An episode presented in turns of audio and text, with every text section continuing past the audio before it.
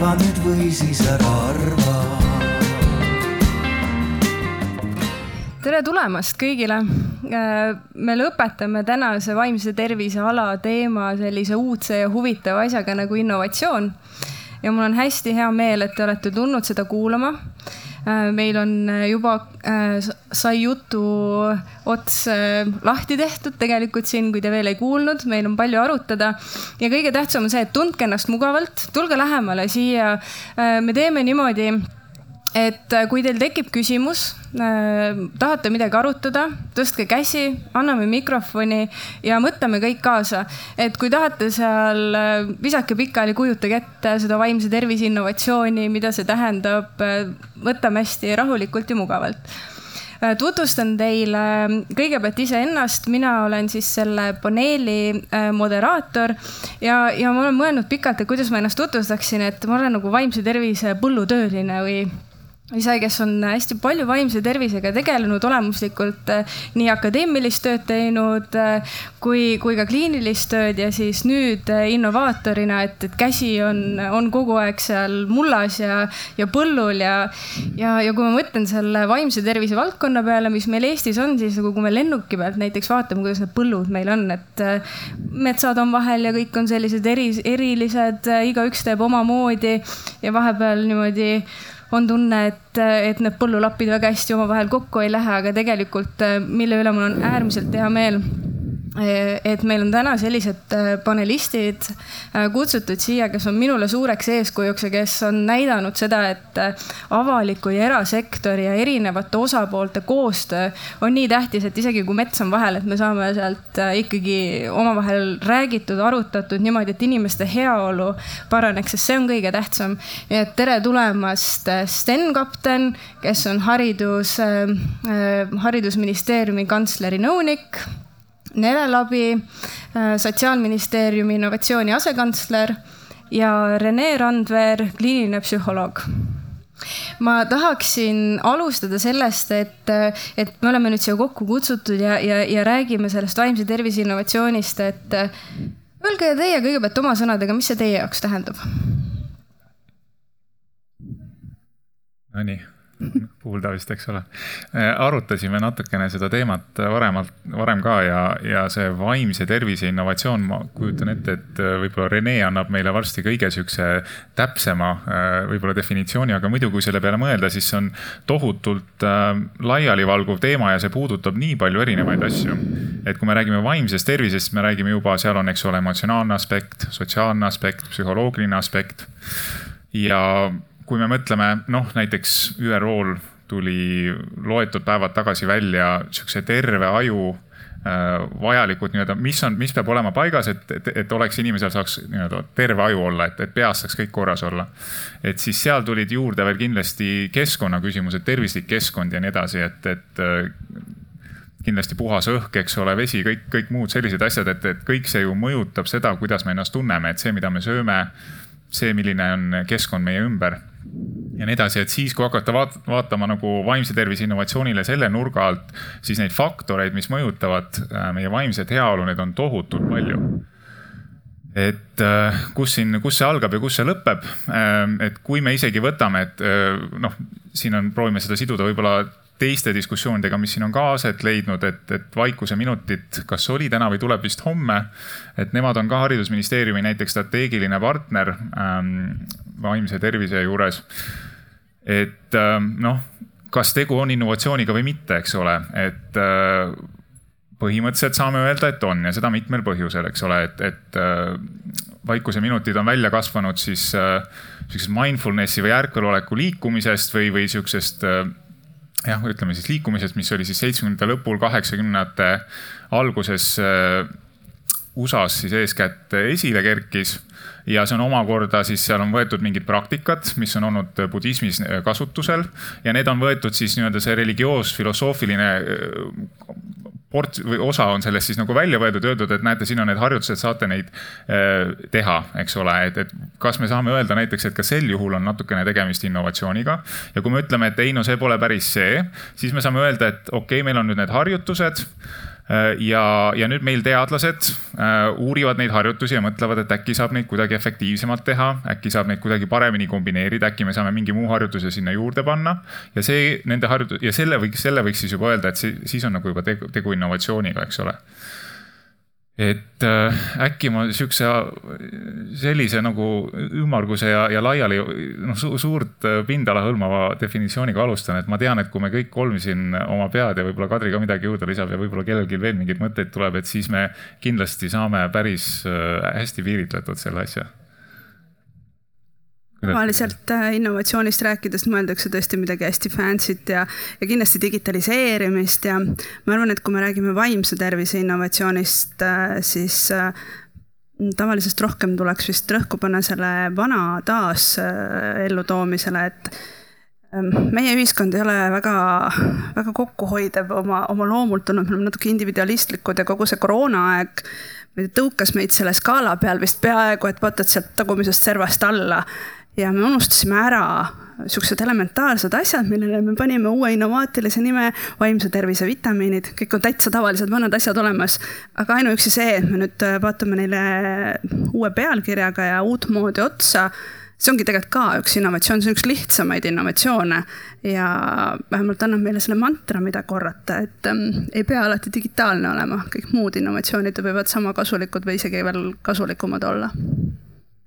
ma just mõtlesin, et äh, mida Sten ütles, et ma äh, selleks paneeliks natukene mõtteid korrastades, siis ma isegi täitsa vaatasin, et mis see innovatsiooni definitsioon on, aga nüüd mul on see juba meelest läinud, aga see oli umbes midagi sellist, et, et see on protsess, mille käigus äh, midagi uueneb ja, ja selle uuenemise käigus luuakse mingit uut kvaliteeti või mingit uut väärtust. ja see võib olla mingi tegevus see võib olla noh, konkreetne tegevus ise või see, kuidas me seda teeme, see protsess või siis ka see, et kuidas me sellest mõtleme. Äh, ja kangesti tahaks tegelikult ka öelda seda, et ma ilmselt ei jõua kõike nagu seda siin äh, kogu seda innovatsiooni nagu kõikehõlmavat sellist kirjeldust anda, aga ma tahaks öelda, mis asi seda ei ole või ma ei tahaks sellest mõelda ainult kui digilahendustest, aga Nele juba sellest rääkis. ja see oli väga hea näide selle kohta, et, et et äh, mingite vanade töötavate asjade uude pakendisse panemine ja uuesti esile toomine ja, ja tavaliselt see toob ka väga häid äh, tulemusi, nii et, äh, et kindlasti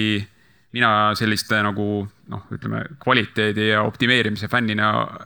olen selle poolt, et et vaatame nendesse tegevustesse sisse, mida me täna juba teeme, võib-olla me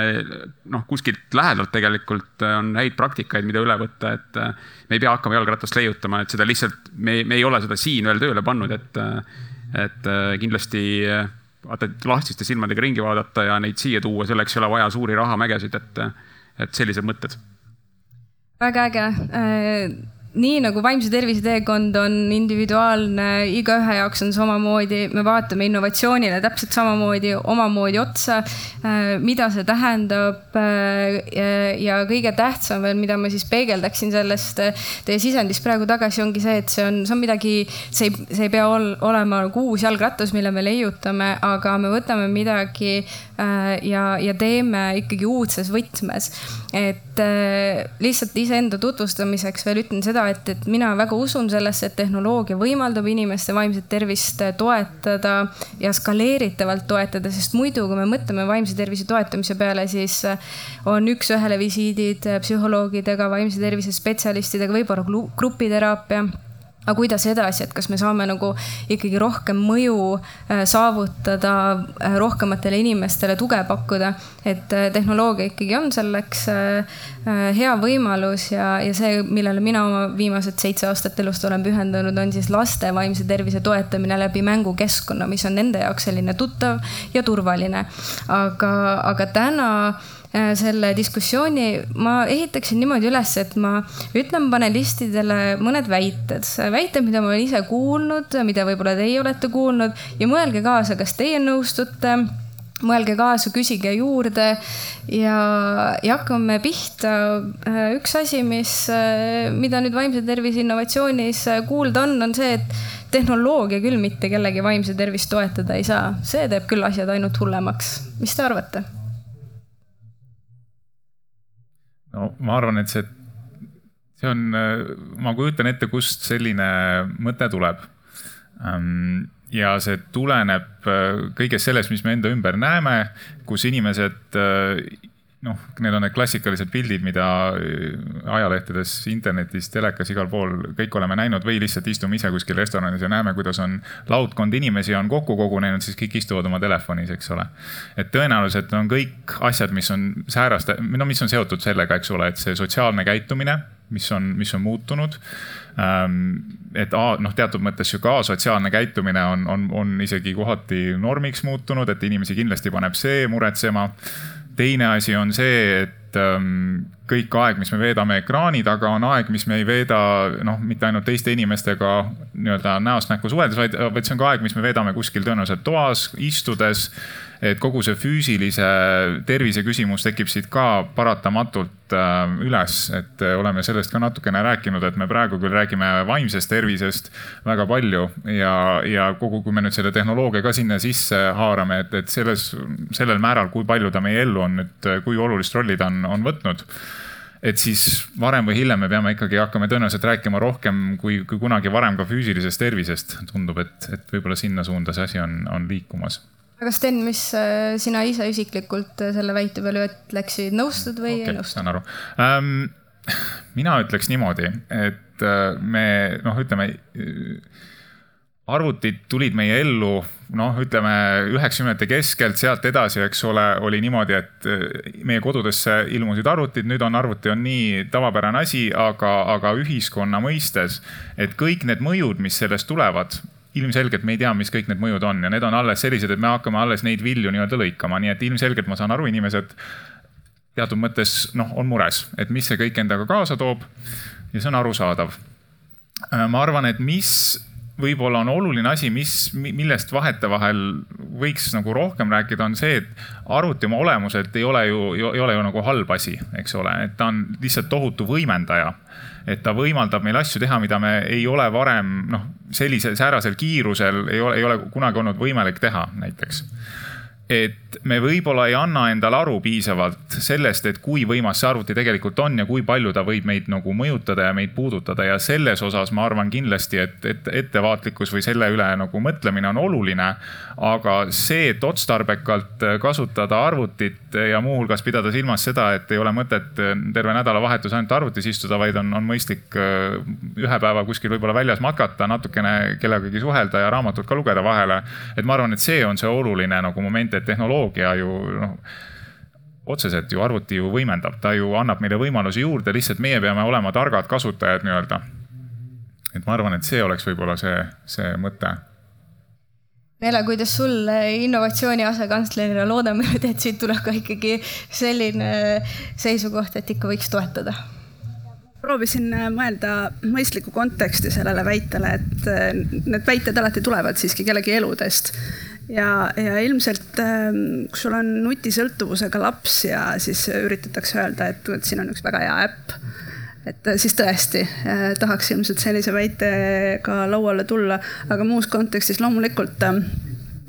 kui me räägime kasvõi sellest ennetusest ja mis me saame ära teha selleks, et ära hoida see olukord, et me peame psühholoogi, psühhiaatri juurde minema, siis igasugune meeldetuletamine meile meie tänases kiires ühiskonnas on ta äpi või noh, jumala eest võib ju äratuskella endale ka panna kodus selle vanaaegse helisema, et äh, minna jalutama ja äh, tunda mingit head tunnet, nuusutada lille või mis iganes. aga noh, ilmselt see äpp on meile tänaselt lihtsalt äh, mugavam ja kõige lihtsamini kättesaadavam. et ma loomulikult seda poolt toetan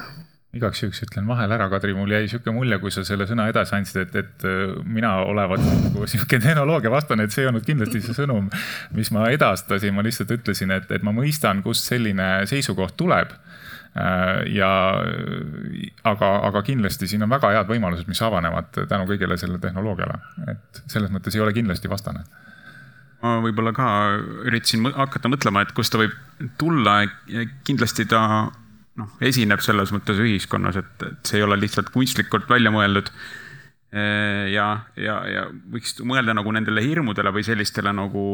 juba olemasolevatele negatiivsetele või natuke vältivatele hoiakutele, et, et võti on jah, pigem ilmselt selles, et sa pead nagu hakkama uurima, et mis konkreetselt on sellise mõtlemiseni viinud, et kas inimene on avatud nagu sellele ka, et, et seda vaidlustada natukene, seda mõtet, et okei okay,, et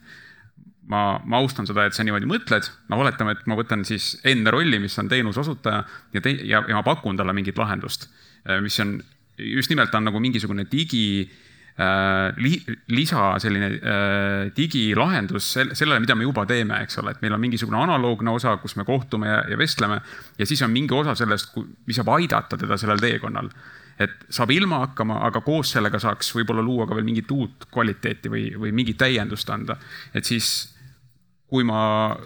nii-öelda olen otsustanud, et ma üritan teda nagu noh, üritan minna sinna alla, et, et miks ta niimoodi mõtleb, et kui võib-olla tal on mingi väga negatiivne kogemus seal taga. et noh, selle mõtte point ongi see, et sa pead äh, tegelikult minema sinna äh, kui inimene on valmis selleks, siis sa pead ikkagi jõudma sinna, sinnamaale välja. ja tõenäoliselt ikkagi päris paljude inimeste puhul on see, et varasem kogemus puudub või siis on endal need digioskused võib-olla sellised, et mis ei võimalda nagu noh, hästi kasutada tegelikult neid lahendusi ma mõtlen, et kas mul oli vist üks mõte veel, mis ma tahtsin äh, praegu lauale tuua, aga, aga loodetavasti tuleb pärast meelde, et siis. Teri, ma küsin korra vahele, et äkki oleks hea aeg, et Nele, kas sa natukene räägiksid, sa rääkisid väga hea loo ennist sellest, kuidas Rajaleidjas ja, ja kuidas see väikene äh, nii-öelda, kuidas sa ületasid ühe noh, noh, ma arvan, et see puudutab väga hästi seda, millest me just rääkisime, et kuidas tehnoloogiaga, noh, mis abi sellest võib olla tegelikult Äh, jah, ma eelmises elus siis äh, olen pikalt olnud, võiks öelda, Eesti psühholoogide suurim tööandja läbi Rajaleidja võrgustiku. ja ma pean ütlema, et äh, ühed suured äh, takistused seal teel olid just nimelt siis äh, andmete kirjapanemisega ja tehnoloogia kasutamisega ja just eriti psühholoogide poolt, et äh, meil see eetika küsimus, et see vestlus äh, patsiendi ja psühholoogi vahel on ikka täiesti delikaatne, see ei tohiks mitte kuskilt välja tulla ja ei tohigi välja tulla, aga et jumala eest ei tohi sellele ka pealkirja, eesmärki äh, ja muud anda see sai vaikselt murtud, järgmine vestlus tekkis siis sellel teemal, et kas läbi ekraani on võimalik, äh, eriti siis äh, natukene keerulisema lapsega sellistel teemadel rääkida. absoluutselt mitte mingil juhul ei ole võimalik. ja siis tuli koroona ja siis selgus, et üldse kõige parem oleks ekraani kaudu, et üldse ei taha siia päris tuppa enam tagasi tullagi, et äh, ja inimesed niisiis äh, laste ja nende vanemate poolt astusid sammu äh, sinnapoole, et jaa, me saame neid kanaleid ja neid vahendeid kasutada, kui siis ka spetsialistid ise see on, see on ju tegelikult täpselt see ideaalne näide sellest, kuidas tehnoloogia võimaldab näiteks äh, ühel inimesel nii-öelda noh, selle asemel, et autoga sõita ühest linnast võib-olla teise ja kolmandasse, eks ole, et see aja kasutamine, kui mitme inimesega samal ajal saab suhelda, eks ole, ja, ja neid aidata. et võib-olla see on hea näide ka, noh, väga lihtne näide sellest, et kuidas nagu tehnoloogia on nagu saab olukorra paremaks muuta meie jaoks ma küsin jätkuks äh, sellele, et, äh, et kui tänu noh, koroona tõttu äh, tekkisid need muudatused, et äh, ka mõtteviisis, sellepärast et prooviti, pidi proovima, sul ei jäänud mitte midagi muud üle. sul oli vaja teenust saada, äh, sul oli mure, millega oli vaja tegeleda, seda digitaalselt siis või virtuaalvisiitide kaudu teha. selle, kas, kas on, kas on siis see hirm võib olla teadmatuse ees on seotud sellega, et meil ei ole seda kogemust veel, et rakendada äh, innovatsiooni, et äh, kui me julgeksime neid otsuseid teha, siis kas võiks, äh, kas sealt oleks siis võimalik veel järjest pall veerema saada, et oleks erinevaid võimalusi, mis võimestaksid inimest, et, et lõpuks tekikski selline valikuvõimalus ka, et kuna vaimne tervis on nii individuaalne, et igaüks saakski valida täpselt selle asja, mis tegelikult temale sobib, sest üks lahendus ei sobi kõigile ja see, mis sobib kõigile, ei sobi lõpuks mitte kellelegi või ei teegi mitte mingit äh, kasutegurit, aga, aga see proovimine või see, et, et tuleb see samm astuda, et teha, äh, kas siis äh, see on see, see võti loomulikult iga muudatus ja iga uus asi on hirmus, et ükskõik kui tugevad ja uuemeelsed me oleme, siis mingid hirmud käivad sellega kaasas, et okei okay,, meil oli siin nüüd koroona tõukeallikas, me, ma loodan, et me ei pea järgmist samasugust asja ootama. et ähm, neid samme saaks ähm, vaikselt teha ka natuke lihtsamates oludes ja ilmselt äh, iga katsetus viib meid lähemale, ma arvan, et inimestena meil tarbida on palju lihtsam kui siis nendel professionaalidel äh,, kelle tööd siis nagu vastu valideeritakse pärast klient, kas on rahul nüüd selle teenusega või ei olnud rahul, sellepärast et sa kasutasid ühte äppi äh, või olid ekraani taga siis on see ootus kõrgem. kui me oleme tarbimas, siis see on lihtsam, et võib-olla ka ühiskonna hoiakutes küsimus, et kuidas me võtame vastu selle avaliku sektori või tervisesektori katsetuse midagi uut proovida. et kas see kohe peab olema perfektne, et tõenäoliselt ei ole. et kõik asjad tulevad algul natuke nurgelised ja siis tasapisi aja jooksul koos inimestega saavad nad paremaks. aga kuhu innovatsioon kuuluma peaks, tegelikult Rene, sinu sisendile ma tahtsingi seda nagu jätkuks küsida, et kuna sa oled praktiseeriv psühholoog, sa tegeled juba nagu välja kujunenud vaimse tervise probleemidega inimestega ka. kas innovatsioon peaks olema midagi, mis toetab siis sellist inimest, kellel juba iseseisvalt on näiteks raske hakkama saada, tal on vaja mingisuguseid, mingit lisatuge veel ka, ütleme, olgu need digivahendid või midagi muud. või pigem võiks see olla näiteks ennetus või, või oskuste õpetamine selleks, et üldsegi me ei peaks jõudma äh, sellesse faasi? Äh, tegelikult äh, alustaks natuke kaugemalt, et mul tuli meelde üks mõte, mis ma ennem tahtsin öelda, et, et noh, oletame, et me otsustame ära, et teadlikkuse tõstmisega on vaja tegeleda, siis kindlasti ka nende noh, uudsete lahendustega ja, ja nende nii-öelda kasutuselevõtu suurendamisega peaks nagu tegelema ja üks osa sellest on see, et me peame rääkima sellest, et need on olemas, need on turvalised, nendega saab edukalt töötada ja need aitavad, eks ole, et, et kas need ka aitavad, et see on omaette diskussioon aga me võiksimegi nagu üks võimalus, kuidas sellest rääkida, et, et jõuda rohkemate inimesteni, ongi võib-olla rääkida mitte niivõrd digilahendustest, kuivõrd teenustest, mis on digitaalselt võimestatud. et seesama mu üks e eelnev mõte oligi see, et, et meil on mingi osa, mis on traditsiooniline ja, ja tõenäoliselt noh, nii palju kui võimalik, me võiksimegi seda säilitada, et seda inimlikku kontakti. aga näiteks seesama Covidi periood Kadri, mille sa tõid, seal oli ühel hetkel oli see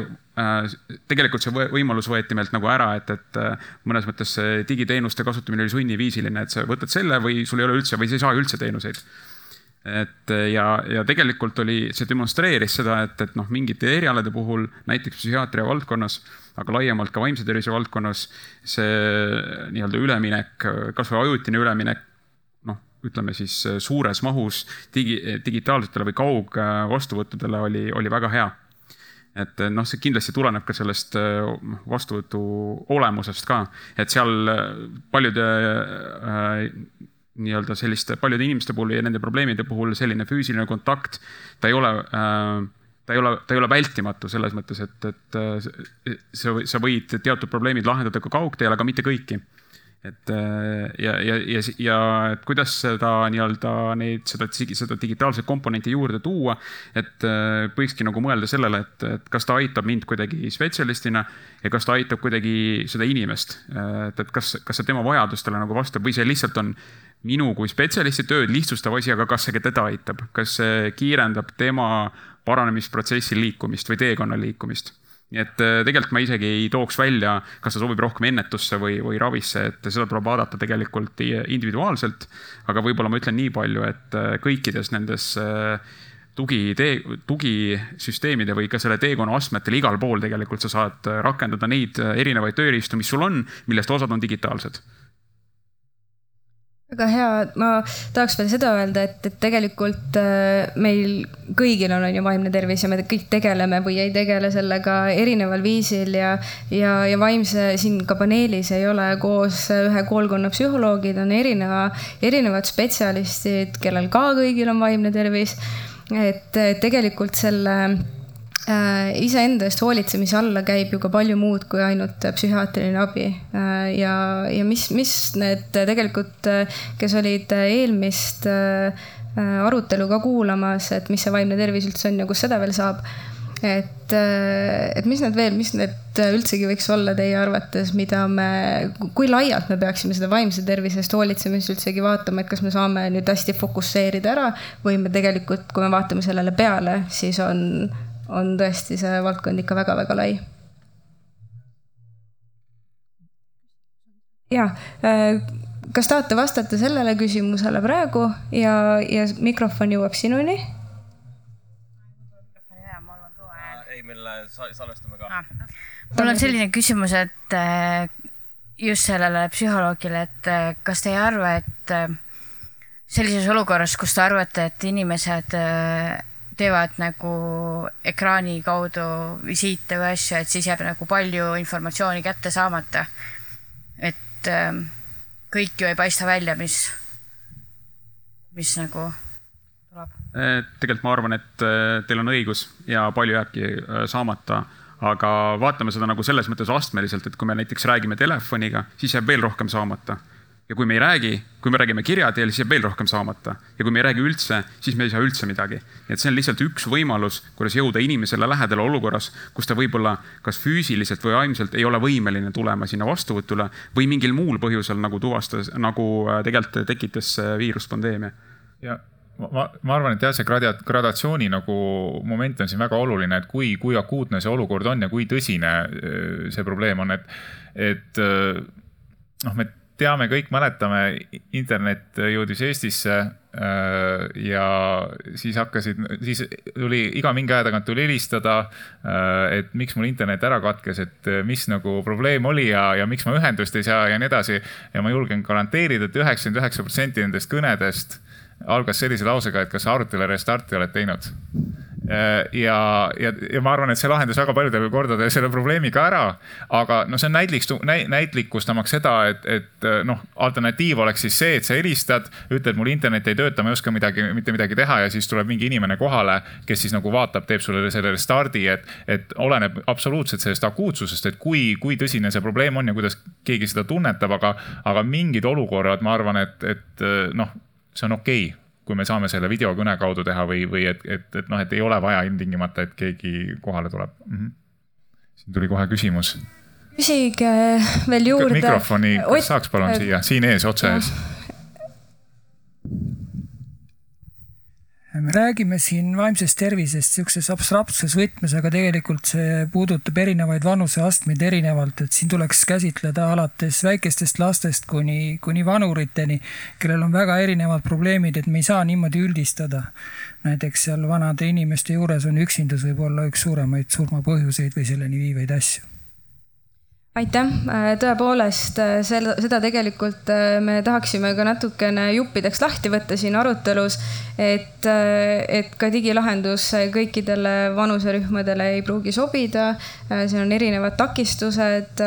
aga, aga me katsume keskenduda nendele lahendustele ja, ja võimalustele tegelikult sellepärast, et, et, et siin selle kogu, äh, kogu arutelu eesmärk on ka see, et, et lõpuks me, kui me paneme enda silmad ka kinni ja mõtleme selle peale, et mis see vaimse tervise innovatsioon on ja kui me mõtleme veel edasi sellest, et on kaugvisiidid ja ongi täiesti tõsi, et palju jääb saamata tegelikult, kui on virtuaalselt ju viiakse see tugi inimesteni, aga mis veel võib olla, mis meie vajadused veel on, et mida me tahaksime tegelikult, mis aitaks meil tegelikult enda heaolu eest paremini hoolitseda, et see äh, on edasi ka sellest, mis on kaugvisiit aga kuna me juba sellest äh, kaugvisiidist ja, ja, ja kogu sellel teemal ähm, räägime, siis ega me sellest rahast üle ja ümber ei saa ja tihtipeale on see arvamus ka ja see väide, et digilahendused on nii kallid ja ebamugavad, et äh, peaks nagunii kuidagi teistmoodi hakkama saama, mitte niisama raha raiskama. mis te sellest arvate?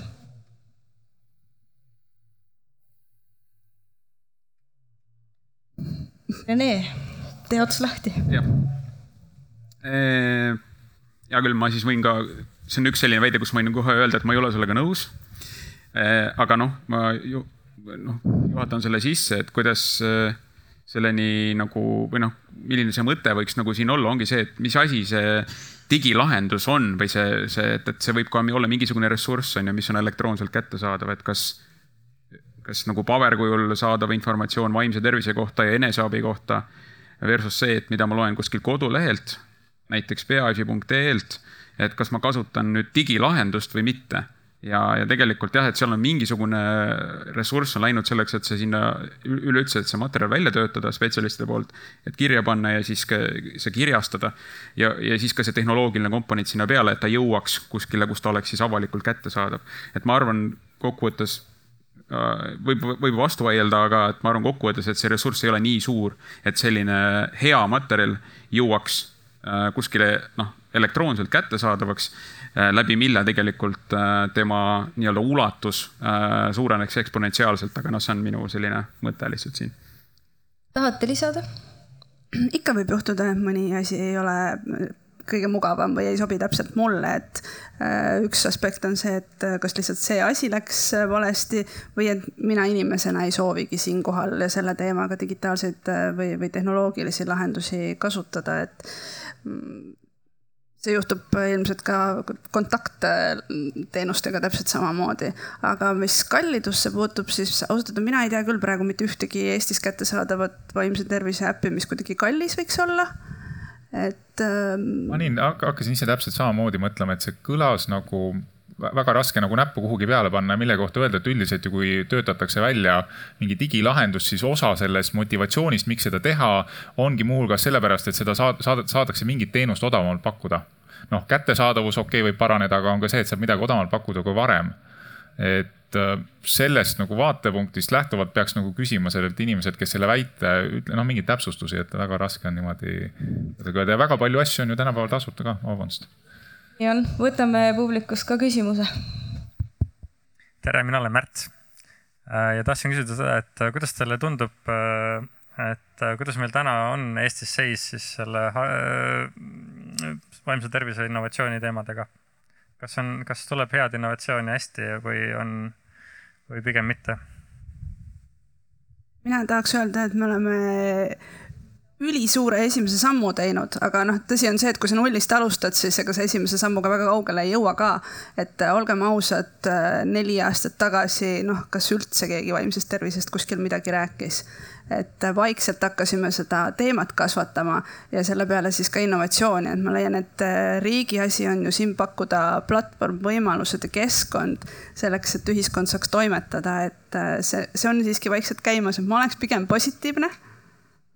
ma olen nõus, et ma arvan juba, et see, et me teadvustame seda ja noh, see on nagu väga heaks ajendiks, siis tähendab seda, et me hakkame sellele, sellega tegelema. et uh, huvitav on olnud jälgida see koroonaviiruse on, on meid väga mitmel, mitmel erineval viisil mõjutanud ja on kiirendanud mingeid protsesse. et tegelikult, kui me räägime nii-öelda kõrgematest vajadustest, eks ole, nii-öelda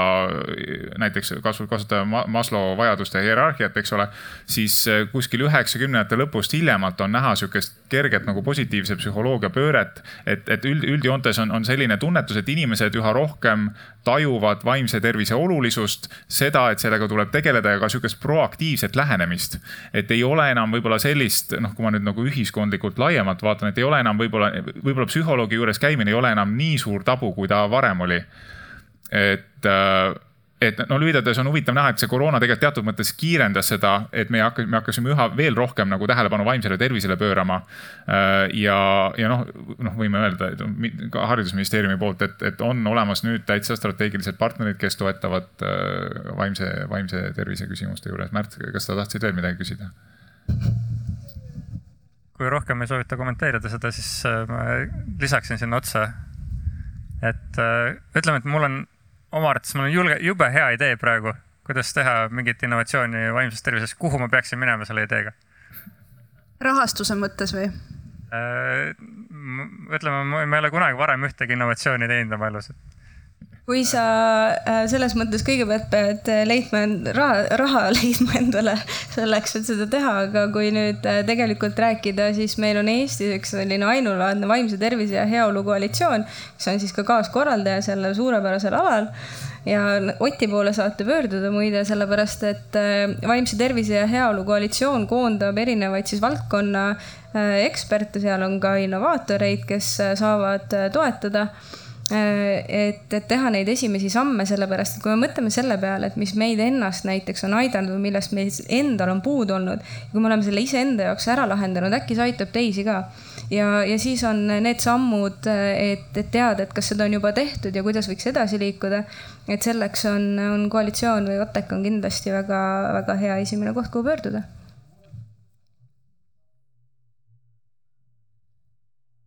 Märt kohe tingimata ei oska sulle öelda, mis hakkab juhtuma, kui sa oma ideega minu juurde jutule tuled.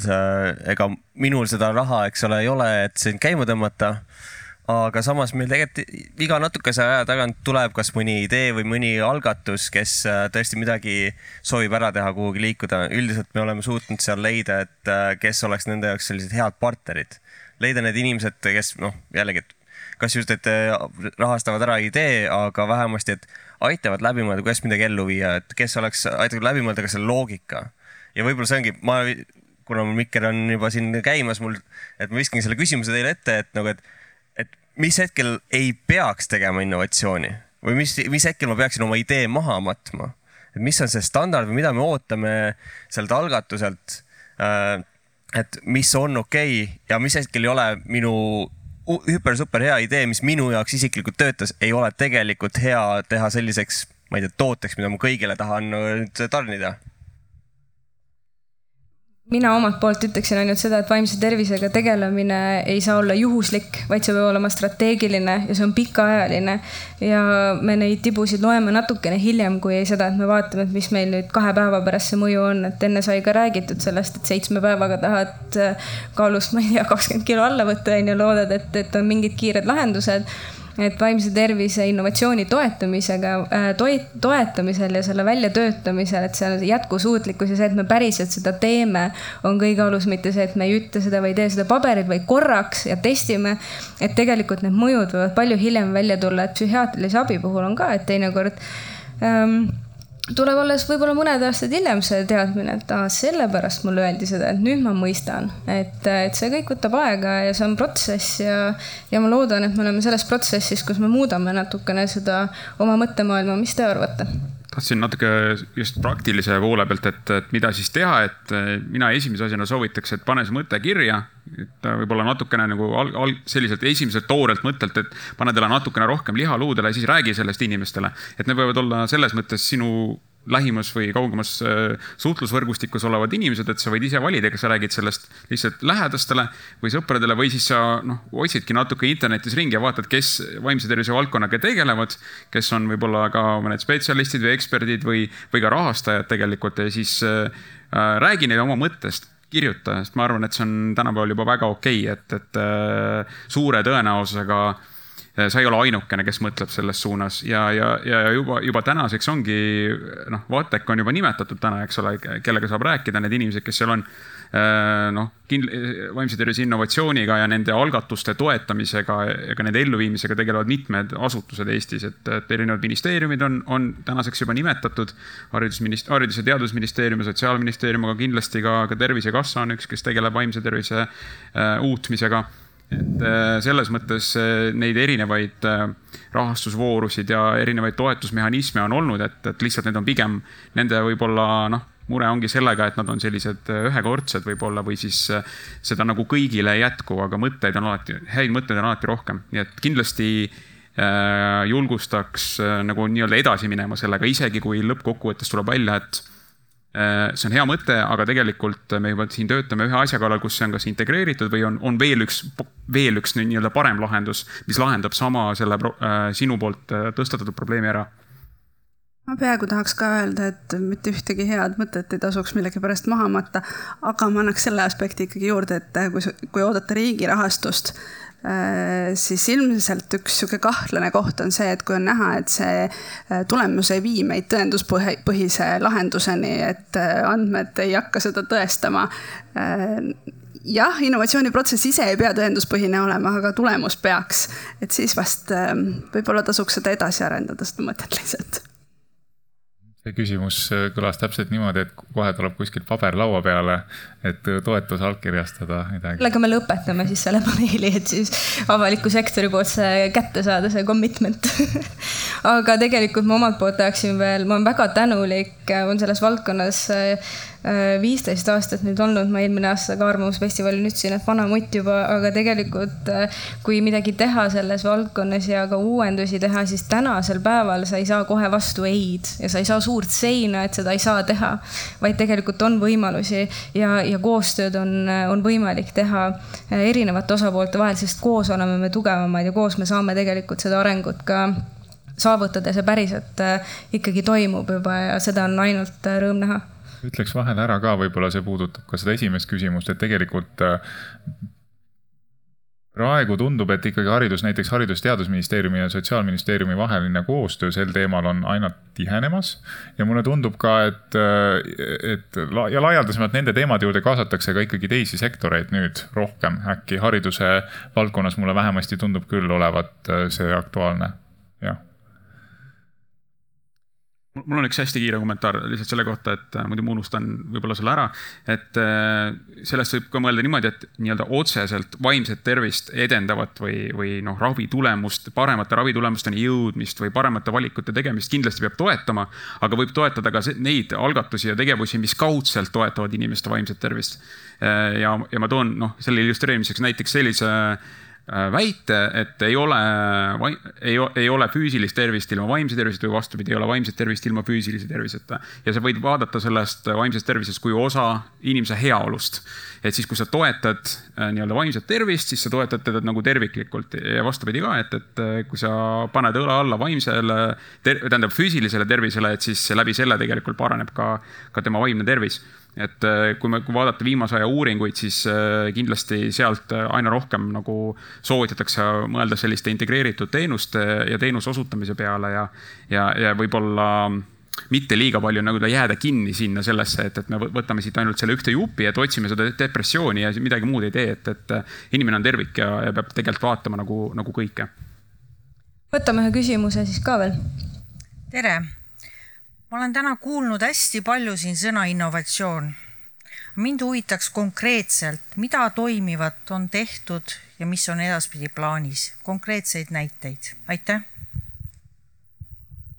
Oli meil äh, ka siin üks, äh, üks väide isegi, mis äh, oleks, ma väga tänan selle, selle sisendi eest, nii et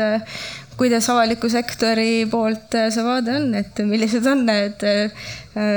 innovatsioonid siis praegu, mis on, on meil olemas ja, ja kui, kuhu edasi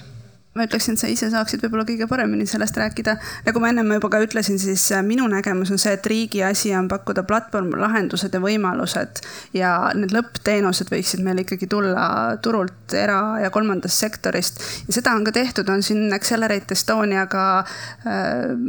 projekte, sa saad ise rääkida oma asjadest et ähm, Äh, ja no selles mõttes mina, kui äh, mina vaatan muidugi oma mätta otsast seal oma põllu pealt on ju, mis, äh, mida, mida siis äh, ho, hoitakse läbi innovatsiooni, et on erinevad vanuserühmad, erinevad innovatsioonid tegelikult.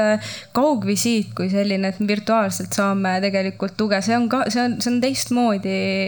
lähenemine, juba see iseenesest on innovatsioon. mina alati ütlen, et see, mida peaasi on teinud näiteks, et ta on viinud tegelikult selle teadlikkuse äh, nendest oskustest, mis meil on vajalikud, et noh, tihtipeale inimestel on see, okei okay,, jälle öeldakse hingata on vaja, okei okay,, kuidas üks sisse, kaks välja või kuidas see siis käib, et mul on vaja nagu teada tegelikult seda, et, et, et kuidas iseenda eest hoolitseda, et nende baasoskuste õpetamine äh, on ja, ja vaimse tervise esmaabi siis ka, mis on näiteks peaasi, äh, on teinud ja, ja digitaalselt siis inimesteni on viidud. Äh, juba need on sellised laiapõhjalised innovatsioonid, mis meil on ja, ja lisaks on meil tegelikult ka mitmeid rakendusi äh,. vaikuseminutitest juba räägiti, vaikuseminutitel on ka siis selline vaikuseminutid, selline teadvelolekupõhine tehnika, et kuidas me saame enda eest hoolitseda, neil on äpp, mille saab äh,, mida saab kasutada, mis on need baasharjutused äh,, mida saab teha meie enda meeskonnal on loodud täiesti tasuta laste vaimse tervis, laste vaimset tervist toetav teadustõenduspõhine rakendus Triumph Hero, millega kõik saavad tasuta alla laadida mis ja, ja nii edasi, tegelikult neid, neid tuleb, et me äh, tihtipeale, mis vaimse tervise valdkonnas on, on see, et, et inimesed teevad kõvasti tööd ja tõesti tahavad, et, et heaolu äh, paraneks meil Eesti inimestel ja, ja siis võib-olla kõik ei jõua lihtsalt äh, inimesteni, see, see teadlikkus, et et mis on juba olemas ja see on meie tegemata töö, nii et tuleb sellest rohkem rääkida, et mis need, mis need siis täpselt on, sest tegelikult neid tuleb üha juurde ja, ja see valdkond, see vaimse tervise innovatsiooni valdkond arenebki just sellest vaatest, et kui sa tead, me tegelikult ju teame, et vaimne tervis on vajalik, et see on meil kõigil olemas, aga mida me siis ära saame teha. ja, ja selleks need innovaatorid päris palju tulevad ikkagi appi ja, ja, ja teevad omavahel ka koostööd, et, et tuua need lahendused siis inimestele, mis neid päriselt aitaks nii palju ütlen, kuna küsiti konkreetseid näiteid, et, et võib-olla midagi lisaks ka veel, et sai mainitud Vaikuseminutit, sai mainitud Peaasi, kes on mõlemad Haridus-Teadusministeeriumi strateegilised partnerid. lisaks on, kuuluvad strateegiliste partnerite alla ka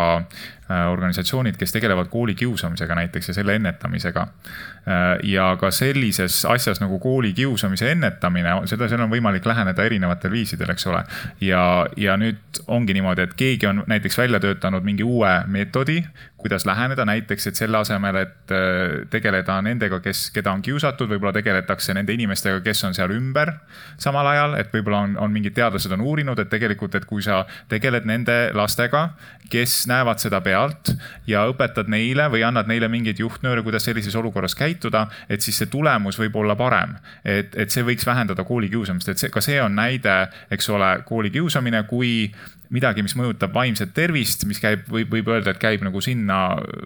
nagu vihmavarju alla ja, ja kuidas nagu näeb välja innovatsioon nagu sellises väikses kohas. Et see võiks olla konkreetne näide tegelikult ka, mis läheb sinna alla, meil praegu täitsa sellised asjad on aktuaalsed. Mul on üks täitsa kehva näide, mis üldse tavalises elus ei läheks innovatsiooni alla, aga vaimse tervise kontekstis me tegime esimest korda Eestis vaimse tervise päris uuringu. Tavaliselt ma ütleksin, et naljanumber, aga meil on esimene samm vähemalt, mille pealt edasi minna, ma isegi ei tea, mis enne seda oli, et kas, kas nüüd on hullem, kui oli kolm aastat tagasi või äkki on parem. et äh, isegi see on samm, kuna me tuleme nulli koha pealt, siis peaaegu kõik, mis me teeme, on innovatsioon tänaseks päevaks me oleme suure sammu tegelikult astunud, kui me mõtleme kultuuriliselt ka ju selle peale, et kus me oleme olnud ja me ei ole rääkinud vaimsest tervisest. ja nüüd äh, lisaks sellele, et teadlikkus on kasvanud, on, tuleb ka lahendusi tegelikult, et me oleme ikkagi orienteeritud sellele, et, et et me mitte ainult ei, ei teadvusta seda, et see on vajalik ja siis ikkagi igaüks katsub kuidagi hakkama saada või, või kuidagi omamoodi, vaid, vaid tegelikult ikkagi on viise ja neid tuleb üha juurde iga, nii palju veel ütlen vahele, et see innovatsioonisõna on vahetevahel selline sõna, et inimestel tekib tunne, et kui sa ma ei tea, ütleme, et enne oli hobune ja, ja siis tuli auto, et, et juhul, kui, kui sa selle hobuse faasis nii-öelda olles autot välja ei mõtle, et siis innovatsiooniga tegu ei ole, et see peab olema midagi tohutut suurt midagi uskumatut, et olla, saada endale innovatsiooni nime külge, et alguses, kui ma nagu enda selle laiahaardelise sissejuhatuse või nagu proovisin, eks proovisin anda mõista, kui suur nagu see vaimse tervise või nagu ala võib olla ja siis omakorda anda mõista, et see innovatsioon selle raames võib olla ka, eks siin Rene ka andis, andis nagu mõista, et see innovatsioon võib vahetevahel olla ka mingi väike asi, see võib olla see, et me teeme sama asja, aga me teeme seda näiteks öö, läbi mingi teise keskkonna, no teemegi näiteks läbi digikeskkonna, et see on võib-olla väike innovatsioon, aga see on, see ka muudab midagi. et igaks juhuks ma mõtlesin, et ma toon selle momendi sisse, ma ei tea. ma tahtsin oli... kommenteerida lihtsalt seda võib-olla juurde, et äh, nii palju, ma arvan, et see äh, üks asi on see, mida pakutakse, need on kõik head asjad või noh, ütleme, et ähm, äh, juba ennem seda, kui seda pakutakse, siin on pandud väga suur töö alla, eks ole, et, et ja, ja tehakse oma parim selleks, et see, mis siit välja tuleks, et oleks ka tõhus ja toimiks. Ehm, ja seda kasutatakse siis heas usus selle nimel, eks ole, aga pärast siis on ka oluline vaadata, et kas ta on ka, et, et kas sellel ka mõju on, on ju. et, et see on omaette suur teema, et see mõju hindamine, mida võiks alati olla rohkem. aga ma arvan, et innovatsiooni või noh, sa võid, kui sulle sõna ei meeldi, sa võid sellest ka mõelda nii, et, et see on mingi valdkond, see on siis selle valdkonna uuendamine, on ju. võimalus teha midagi teistmoodi või uutmoodi, nagu me alguses rääkisime, siis nõua ise rohkem või vaata ise, kuidas sa saad asju, see, mida sa juba teed, vahet pole, kas sa töötad otseselt vaimse tervise valdkonnast, kas otseselt või kuidagi või see puudutab siin, noh, igat inimest puudutab vaimse tervise valdkond on ju läbi selle, et tal on vaimne tervis. siis kas ma juba praegu saan ise midagi enda jaoks täiendavalt teha selles, kuidas ma teen, kuidas ma mingisuguseid igapäevaseid probleeme lahendan, kas tööalaseid või era, era, eraelulisi. ja kas seal on mingisugune selline uudsuse komponent ähm, noh, kas ma võin jõuda mingisuguste paremate valikuteni või paremate otsusteni läbi selle, et ma võtan kasutusele mingi noh, lähenen sellele kuidagi uutmoodi või kasutan mingit uudset tööriista, on ju. noh, kõige lihtsam näide jällegi tagasi tulla on selle digi, mingisuguse digilahenduse juurde, on ju. et eh, see kaugvastuvõtu teema, ma nagu ei väsiks seda kordamast, et see on, see on väga oluline innovatsioon tegelikult, et jah, et mõni saab öelda, et et see ei ole ju midagi nagu revolutsioonilist, et see tehnoloogia oli olemas juba ka enne Covidit, aga seda ei kasutatud nii palju, et see oli lihtsalt murdosa sellest, mida kasutatakse nüüd. ja ma arvan, et see oli väga oluline sõnum või stiimul ka, et, et ka niipidi on võimalik ja oli ka inimesi, kes seda kasutasid, neid võimalusi ka juba varem tegelikult äh, abivajajatega äh, tervishoiu valdkonnas ja samuti selleks, et oma tööd spetsialistina juhtida, kas sa kasutad mingisuguseid digiseadmeid selleks, et asju kirja panna, dokumenteerida, mingeid projekte juhtida ja nii edasi, et, et mõnes mõttes, et mida rohkem sa nõuad seda, seda rohkem seda innovatsiooni ka tuleb, kas läbi selle, et sa ise otsid endale tööriistu või siis sa nagu räägid sellest ja siis tekitab ühiskonnas mingisugust vastukaja, et tegelikult neid asju on vaja. küsimus oli vist võtame küsimuse. jah, tervist, Andres olen mina. et mulle meeldib innovatsiooni liigitada nagu kaheks, et üks on niisugune suunatud innovatsioon, kus sa annad mingi konkreetse probleemi ette, et nüüd on vaja seda probleemi innoveerida. teine on siis niisugune vaba või suunamata innovatsioon, kus, mis on nagu Garage nelikümmend kaheksa häkaton, et meil on siin valdkond, meil on riigikaitse valdkond, palun innoveerige seda. et äh, minu küsimus oleks, et äh, teile kõigile, et kui te peaksite nimetama niisugust paar kõige suuremat valupunkti suunatud innovatsioonist rääkides, siis et äh, vaimse tervise valdkonnas mis vajaksid innoveerimist enim, siis äh, mis need võiks olla? mina, mina tahan küll alustada ja ma ennem siin mõtlesin just selle üle, et äh, tundub, et mul on tehnoloogiale siinkohal suur ootus, et ähm, me oleme täna, mis puudutab tervist, sellised reageerimispõhine ühiskond, et äh, me ootame, et saaks selle diagnoosi kätte ja siis hakkame ravi määrama, siis teeme raviarved ja kõik, äh, ma isegi tean, pea, peaaegu kogu raha läheb tagumisele otsale, mitte ennetusele. samas me kõik teame väga hästi, et äh, ennetus on see, mis ära tasuks. selleks transformatsiooniks, et me muutuks riigina, ühiskonnana ennetavaks, et need probleemid üldse jõuakski, justkui vahepeal oleks vaja topelt inimeste ressurssi, topelt spetsialistide ressurssi, sest meil on ikka veel alles need patsiendid, kes on diagnoosiga, sest neid ei ole keegi seal ennetanud. aga samas keegi peab hakkama ka selle ennetusega tegelema, et meil ei ole vahepeal kahekümneks või kümneks aastaks äkki topeltpsühholooge, psühhiaatreid kuskilt võtta. ma arvan, et tehnoloogia peab olema seal see koht, mis saab appi tulla. kuidas? noh, päris mitmel moel. nii, aga nüüd see suunatud hetk, et mis see oli selles no ongi see, et kuidas me üle elame selle transformatsiooni äh, siis teenus- ja reageerimispõhiselt ühiskonnalt ennetuspõhisele ühiskonnale, olgu siis, olgu siis vaimses tervises või ka muus valdkonnas. kas seal sees oli muidu, äh, ma lihtsalt täpsustan üle, et kas küsimus on ka selles, et mis võiksid need nii-öelda nurjatud suured probleemid olla, kus innovatsioonist oleks rohkem kasu? Äh, noh, näiteks ma võiksin võib-olla mõned nimetada, millest noh, kui, kui mõelda selle peale, et see ei ole ainult vaimse tervise puhul, vaimse tervise valdkonna puhul nii ilmselt tervishoiusüsteemis laiemalt, aga, aga üks asi on see spetsialistide vähesus, eks ole, aga kindlasti ka, ka see, ka teenuste killustatus ja, ja, ja, ja mingite tegevuste dubleerimine. mida tõenäoliselt neid erinevaid komponente sealt ait-, noh seal ei pruugi piisata sellest, et sa võtad mingi ühe lahenduse kasutusele ja kõik need probleemid lahenevad, et sa pead tegelikult kompleksselt lähenema sellele. aga, aga noh, seal ongi võib-olla mõned väiksemad probleemid mahuvad nagu suuremate sisse ja üks selline suurem probleem ongi see, et, et, et, et kuidas jõuda kiiremini teenusepõhisest Äh, mõtlemisest nii-öelda sellise tulemuspõhisuseni, eks ole, et, et mitte lihtsalt selle eest, et, et teenus on nagu antud ja, ja raha saadud, aga kas inimene päriselt ka abi sai, et tegelikult me seda ala, äh, praegu ei tea väga hästi. et me, me, me, me ei lähe seda küsima. Ja võiks nagu rohkem süsteemsemalt seda küsida. Ja see võiks osa sellest, et kuidas üle, üleüldse süsteem toimib, et, et ja see võib-olla aitaks ka, äh, et paremate nii-öelda kvaliteedistandardite või selliste kvaliteetsemate teenuste poole liikuda, et, et rohkem tõenduspõhiseid teenuseid Äh, rohkemate inimesteni jõuda neid asju, et, et need äh, võib-olla need barjäärid oleks madalamad selleks, et inimene üldse abi saaks, et ta ei ootaks kuid ja kuid selle psühhiaatri äh, järjekorras, vaid, vaid tegelikult võiks juba varem minna kusagile, kus kohas oleks tema nii-öelda vajadustele sobiv abi tegelikult kättesaadav, mis ei pea, ei pruugi üldse olla psühhiaater ega ka kliiniline psühholoog. ja, ja ma mainin siin ka just sellist nagu raviteekonna põhisusele nagu kiirendatud üleminek, eks ole, et, et vaadata seda inimese teekonda terviklikumalt, vaadata, mis need kokkupuutepunktid erinevate tugisüsteemidega, mitte ainult tervishoiusüsteemiga on. siis äh, kui sa sellega juba tegeled, et siis sa teed selle laeka lahti ja sa leiad sealt terve, terve, terve nii-öelda äh, galaktika erinevaid probleeme ja, ja, ja tegelikult ei ole vahet, millise sealt võtad, võta, hakka tegelema ja, ja, ja, ja sa võid teada, et sa tegelikult liigud õiges suunas ma lisan sellele veel juurde innovatsioonist nagu laiemalt, et teinekord startup ettevõtjad võivad avastada, et oi, et ei olnudki probleemi, et tegin siin innovatsiooni, aga probleemi ei olnud, siis vaimse tervise valdkond on selline, et kui ma siin juba alustasin, et ma vaimse tervise põllupidaja olen, siis see, kuidas me seda harime, on igaühe jaoks erinev, neid innovatsioone võib olla tohutult palju ja igaüks saabki leida lõpuks selle, mis on tema jaoks vajalik, sest siin ei ole õigeid ja valesid lähenemisi, sest see on täiesti individuaalne teekond.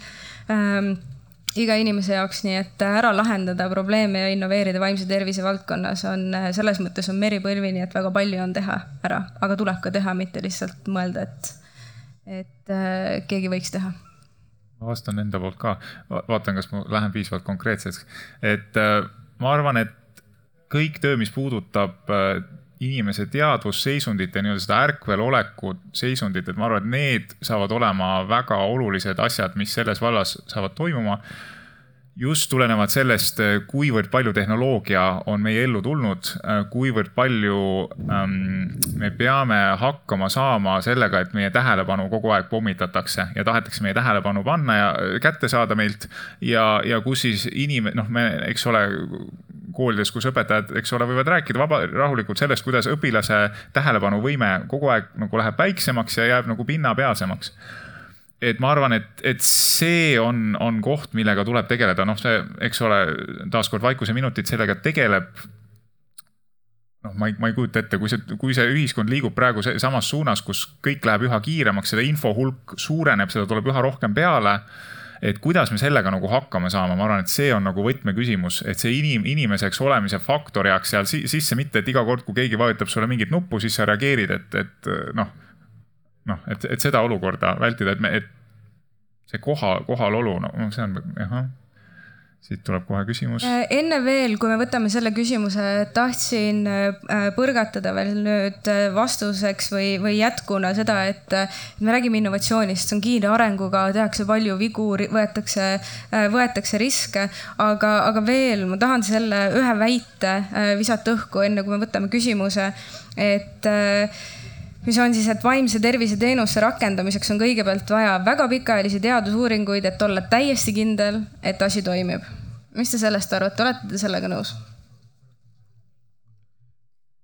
Siin ilmselt tuleb ka vaadata seda, kummas otsas me tegutseme, mis puudutab ennetust ja seda, et kuidas me tervislikult käitume, et noh, peaaegu peaaegu võimatu on teha vigu soovitustes, mis annavad parema magamisrütmi elus ja, ja soovitavad rohkem magada. teisipidi, kui meil see diagnoos nüüd käes on ja väga keeruline diagnoos, et siis loomulikult ei tahaks päris kohe kõike mingile äpile jätta. Sten mm sõnasta korraks see uuesti, et ma mõtlen, ma kogun ennast natukene. kogu. Äh, vaimse tervise teenuste rakendamiseks on vaja kõigepealt väga pikaajalisi teadusuuringuid, et olla täiesti kindel, et asi toimib et ma arvan, et see seostub väga hästi ühe eelneva väitega või selle diskussiooni jupiga, mis meil oli, oli see, et, et need erinevad nagu toetused või need noh, algatused, eks ole, riigi poolt selleks, et äh, vaimse tervise valdkonnas nagu laiemalt just, just, aga, aga samas tegelikult suunatult mingisuguse niši suunas, et, et, et saada sellest kohta näiteks paremini teada, üks äh, Nele mainis juba äh, rahvastiku vaimse tervise uuringut. et kindlasti on ju rahast-, mitte kindlasti, aga me teame, et on rahastatud ka erinevaid selliseid analüüse selleks, et näiteks aru saada, kuidas mingi diagnoosiga inimene äh, mingis valdkonnas, et mil, millised seal näiteks mingisugused näitajad on. aga, aga nüüd, äh, mis puudutab ka seda, et, et kuidas uudsed lahendused, äh, need, mis jõuavad, et kas nad ka mõjusad on, siis kui ta on täiesti uus, siis me alguses seda ei tea ja kuidas me seda teada saame, kui me ei aita tal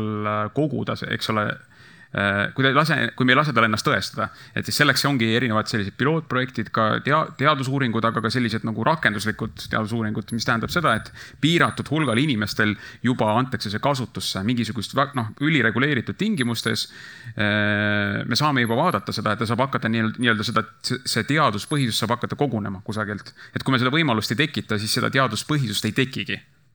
see ongi see teaduse lugu ja innovatsiooni ohud ja nii edasi, et innovatsioon, noh,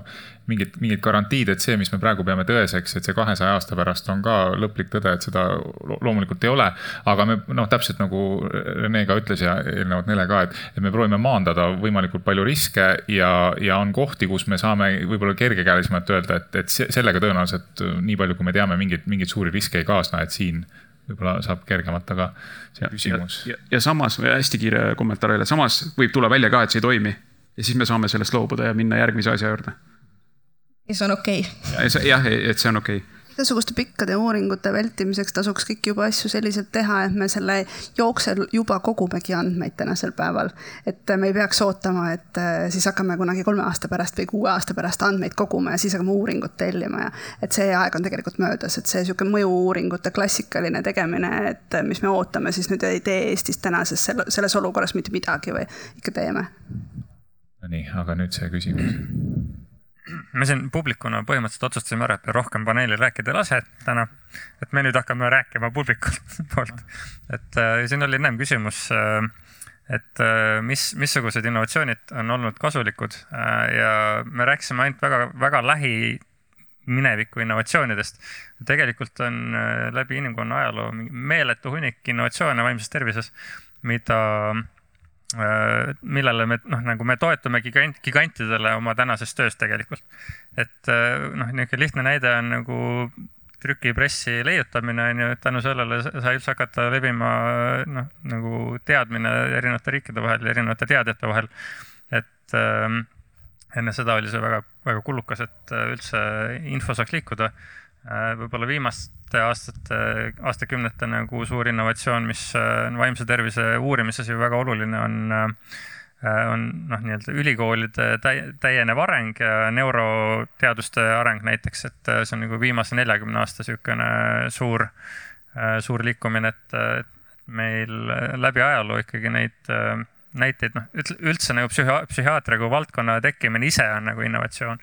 et, et selles mõttes see. Ehk siis me oleks pidanud pikemalt, laiemalt rääkima. Eh, noh, selles mõttes lihtsalt, et, et neid näiteid nagu läbi ajaloo, kus nagu on, on innovatsiooni kaudu tekkinud mingi väärtus nagu inimeste vaimse tervise arengus on, on tohutult palju.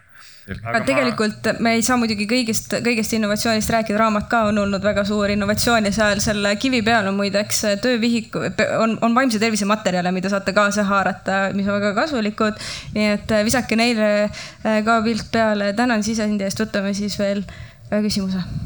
Äh, Imre Treufel siin ähm, äh, no me räägime innovatsioonist, aga tegelikult me üritame lahendada probleeme, eks ole, nii et äh, vahet pole, kuidas me seda teeme lõppkokkuvõttes, peaasi, et me hakkama saame. ja kõige tähtsam asi on jah, ma saan aru, ennetamine, vaimse tervise probleemide ennetamine juba. ja ma mõtlesin, et noh, kõik algab ju nagu noortest, lastest, koolist, äh, kas koolis õpetatakse midagi sellist, et kuidas näiteks iseendaga hakkama saada, emotsionaalne intelligentsus, kõik selline teema. Äh, kas keegi teab midagi selle kohta? Sten vastab haridusministeeriumis. aitäh, aitäh. see oli loetud päevad tagasi, kui ma nägin ma pean nüüd mõtlema, kus ma seda nägin, aga sisu oli põhimõtteliselt see, et see on see klassikaline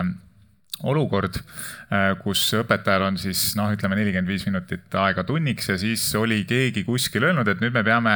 vaimse tervise teemat ka sinna neljakümne viie minuti hulka kuidagi, et põimi see kuidagi mingite teiste asjadega ära. et see on niisugune klassikaline vestlus, kus on, on väga palju erinevaid äh, huvigruppe, kes kõik peavad väga palju erinevaid asju oluliseks ja, ja noh, ilmselgelt need kõik ongi olulised. täna hommikul oli meil siin, eks ole, see rohepöörde teema, mis on ka nüüd väga-väga aktuaalne, eks ole. ja siis see õpetaja kitkub oma juukseid peast ja ütleb, et ma juba siin, ma ei tea, nelikümmend viis minutit on aega.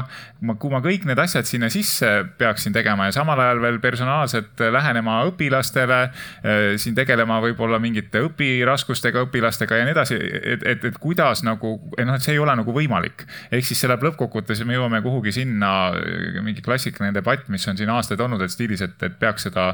õppekava mahtu vähendama ja, ja nii edasi, aga noh, ma noh, eks siis see mingil määral vastab selle ära, et see on nüüd olnud mingi asi, mis on just hiljuti on laua peale tulnud. ma nüüd täpselt ei anna pead, see on väga huvitav küsimus, muidugi kõik õigel ajal, eks ole ähm, et ma tean, et see on nüüd jälle see moment ja siis ma täpselt selle kommentaari saingi, et noh, et öeldi, et selle võiks nagu panna, aga noh, mille arvelt see siis nagu tuleb, on, on see nagu see klassikaline küsimus. ehk siis no jah, eks ole, ühiskonnas prioriteedid võib-olla muutuvad. võime öelda, et võib-olla mingid,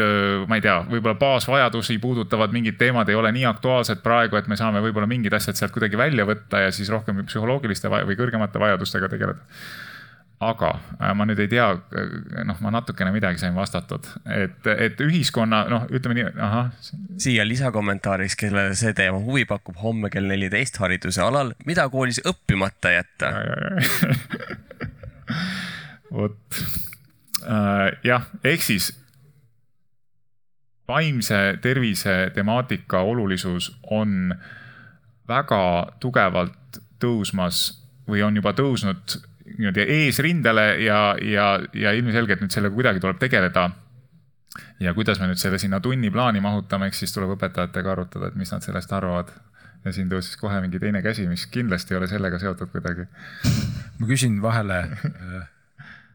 ähm, Andero Uusberg äh, Tartu Ülikoolist, et äh, reageerisin siin sellele, et jutt läks teaduspanusele ja isegi kaudselt ka sellisele nagu teaduspanusele ja, ja, ja väga palju aega võib-olla ei pea sellele kulutama, aga et, et ma tahaks kuidagi teie peegeldust sellele, et mida ülikoolid selle innovatsiooni nagu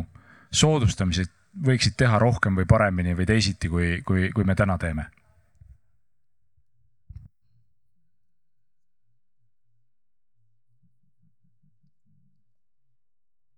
kõik on väga hästi mulle tundub, et äh, siin on. Äh, Sten kogub ennast praegu. ma kogun ennast praegu, Rene, kui sa tahad midagi vahele öelda, siis ütle mm, jah, et siin on jälle see küsimus, et kas ta on kaudselt või otseselt suunatud selleks, et äh, neid oskusi ja teadmisi edasi anda, et kindlasti seda, kindlasti mõlemat on vaja, et, et sa võid nagu kujundada välja mingisuguse, kas äh, suurema või väiksema osa sellest õppekursusest, kas nagu valikainena või vabaainena või kuidas iganes seda nimetad või täiendkoolitusena selleks, et anda need äh, mõtlemise ja tegutsemise tööriistad kätte, et, et mingisugune selline noh, millestki mõelda niimoodi, et võtta ta tükkideks lahti ja kuidas ma saan selle uuesti kokku panna niimoodi, et, et tegelikult ta töötab paremini. et äh, selleks, et seda teha, noh, sa võidki sekkuda seda ju noh, nii-öelda inimese nagu erinevates äh, elukaare segmentides ja, ja üks võimalus seda teha olekski või noh, väga hea oleks seda teha võimalikult vara. Äh, juba, juba koolis teatud sellised, sellist mõtlemist anda, aga, aga ma arvan, et ülikoolis noh, tõenäoliselt oleks selleks päris head võimalused ja ma loodan, et selleks võiks olla ka rahastust, et, et, et, et neid äh, selliseid õppeformaate luua ja mina omalt poolt lihtsalt lisaksin, et seda, et tegelikult ülikooli hariduses oleks väga tore see, kui teenusdisain ja selliste sekkumiste disainimine üleüldiselt oleks osa. sellepärast, et siis oleks võib-olla mina jõudnud kümme aastat varem selleni äh, ja oleks väga palju teisi äh, psühholoogia tudengeid, kes tulevad äh, suurte silmadega ja tahavad nii palju ära teha, et nad saakski proovida tegelikult ka seda, et, et mida see mida see teenusdisain tegelikult tähendab, et kuidas on inimesel kõige mugavam enda vaimse tervise eest hoolitseda, sellepärast et muidu me oleme natuke nagu võib-olla iganenud äh, printsiipides väga kinni, sest need on teadustõenduspõhised. aga, aga uus, äh, kuidas me seda, seda uuendust saaksime teha? ma nüüd natukene jõudsin midagi mõelda ma ei tea, kui palju sellest abi on, aga äh, kui mu mälu ei peta, siis mitte väga kaua aega tagasi Tartu Ülikool tegi ka nagu noh, nagu suured ülikoolid maailmas ikka, et tehakse mingi sihukene nagu a la startup inkubaator või mingi asi, eks ole. ma nüüd vabandan väga, ma täpset nime ei mäleta, aga ma arvan, et, et see on näiteks väga hea näide sellest, mida ülikool võiks teha. ja see on ka väga hea selle noh siis hakkavad nagu, siis hakkavad inimesed, võib-olla üliõpilased juba ise ka vara, noh, et ei jää, et, et on alternatiiv nii-öelda selle puht akadeemilisele karjäärile. et ma arvan, et, et, et võib-olla vot see ongi üks hea asi ja see on väga hea, et see tehtud sai. ja nagu ma kuulsin, siis on juba mingid edulood ka sealt tulnud, nii et äh, vot aga, aga enne Andero küsimust oli veel äh, see koolis äh, oskuste õpetamise küsimus õhus. ma võtan selle, küsin ainult Steni käest, äh, kas, kas jah või ei, kas oled nõus, et digilahendused olgu ainult meelelahutuseks, vaimse tervise juhtimisest peaks ikkagi rääkima ainult koolis? oot-oot-oot, uuesti palun, digi digilahendused olgu ainult meelelahutuseks. meelelahutuseks. ja vaimse tervise juhtimisest ehk kõikidest nendest oskustest, mida meil vaja on, et iseendaga paremini hakkama saada. Sellest peaks rääkima ainult koolis. see on nüüd väga niisugune rõmeline või, või, või, või no lühidalt öeldes, lühivastus on nüüd ei. aitäh nii, võtame küsimuse vist on kuulda jah, minu nimi on Piret ja olen Tartu Ülikoolist ja tahtsin öelda lihtsalt toetuseks, mida veel tehta, tehakse koolis, on Liikum ja kutsu kool. tegelikult, kui me räägime vaimse tervise ennetamisest ja, ja, ja ka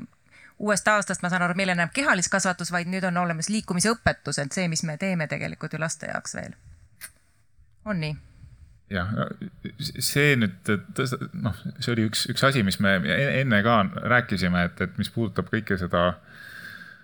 lai ampluaad tegevusi, mis kõik vaimset tervist, eks ole, toetavad ja kuivõrd laiapõhine see lähenemine võiks olla. aga ma jätan praegu selle mõtte siia paika. Võta. küsi Andre käest, kas ta jäi sellega vastusega rahule? ta noogutas, mulle tundus, et esimeseks vastuseks äkki piisas saab kunagi teise vooru võtta. ja, ja seda, et kas ta sai valideeritud oma selle asja, mida ta niikuinii juba teeb. mida ma tahan teha, jah. ei, ma sain siit tõesti nagu inspiratsiooni, et näiteks just see, et, et selles äh, innovatsiooni äh, et, et seda vaimse tervise teemat nagu rohkem äh, tõugata, et tegelikult noh, et see kiirendi küll on, aga, aga psühholoogia tudeng on ikkagi sageli hoitakse teda sihukeses konservatiivses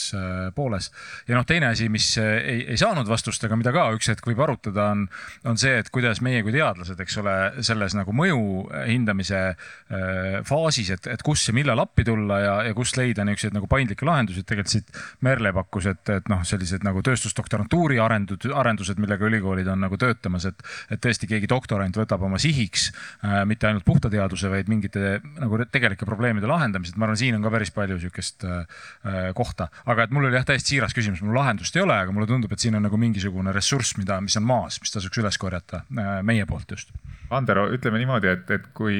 sina Tartu Ülikoolis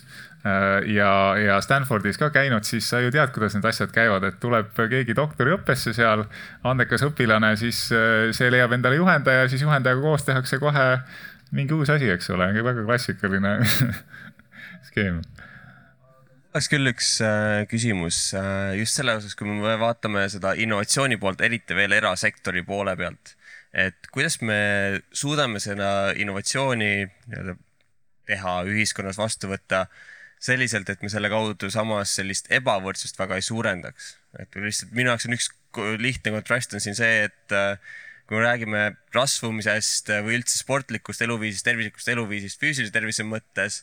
et see on veits selline eliidi asi vaikselt juba. et, äh, et, et see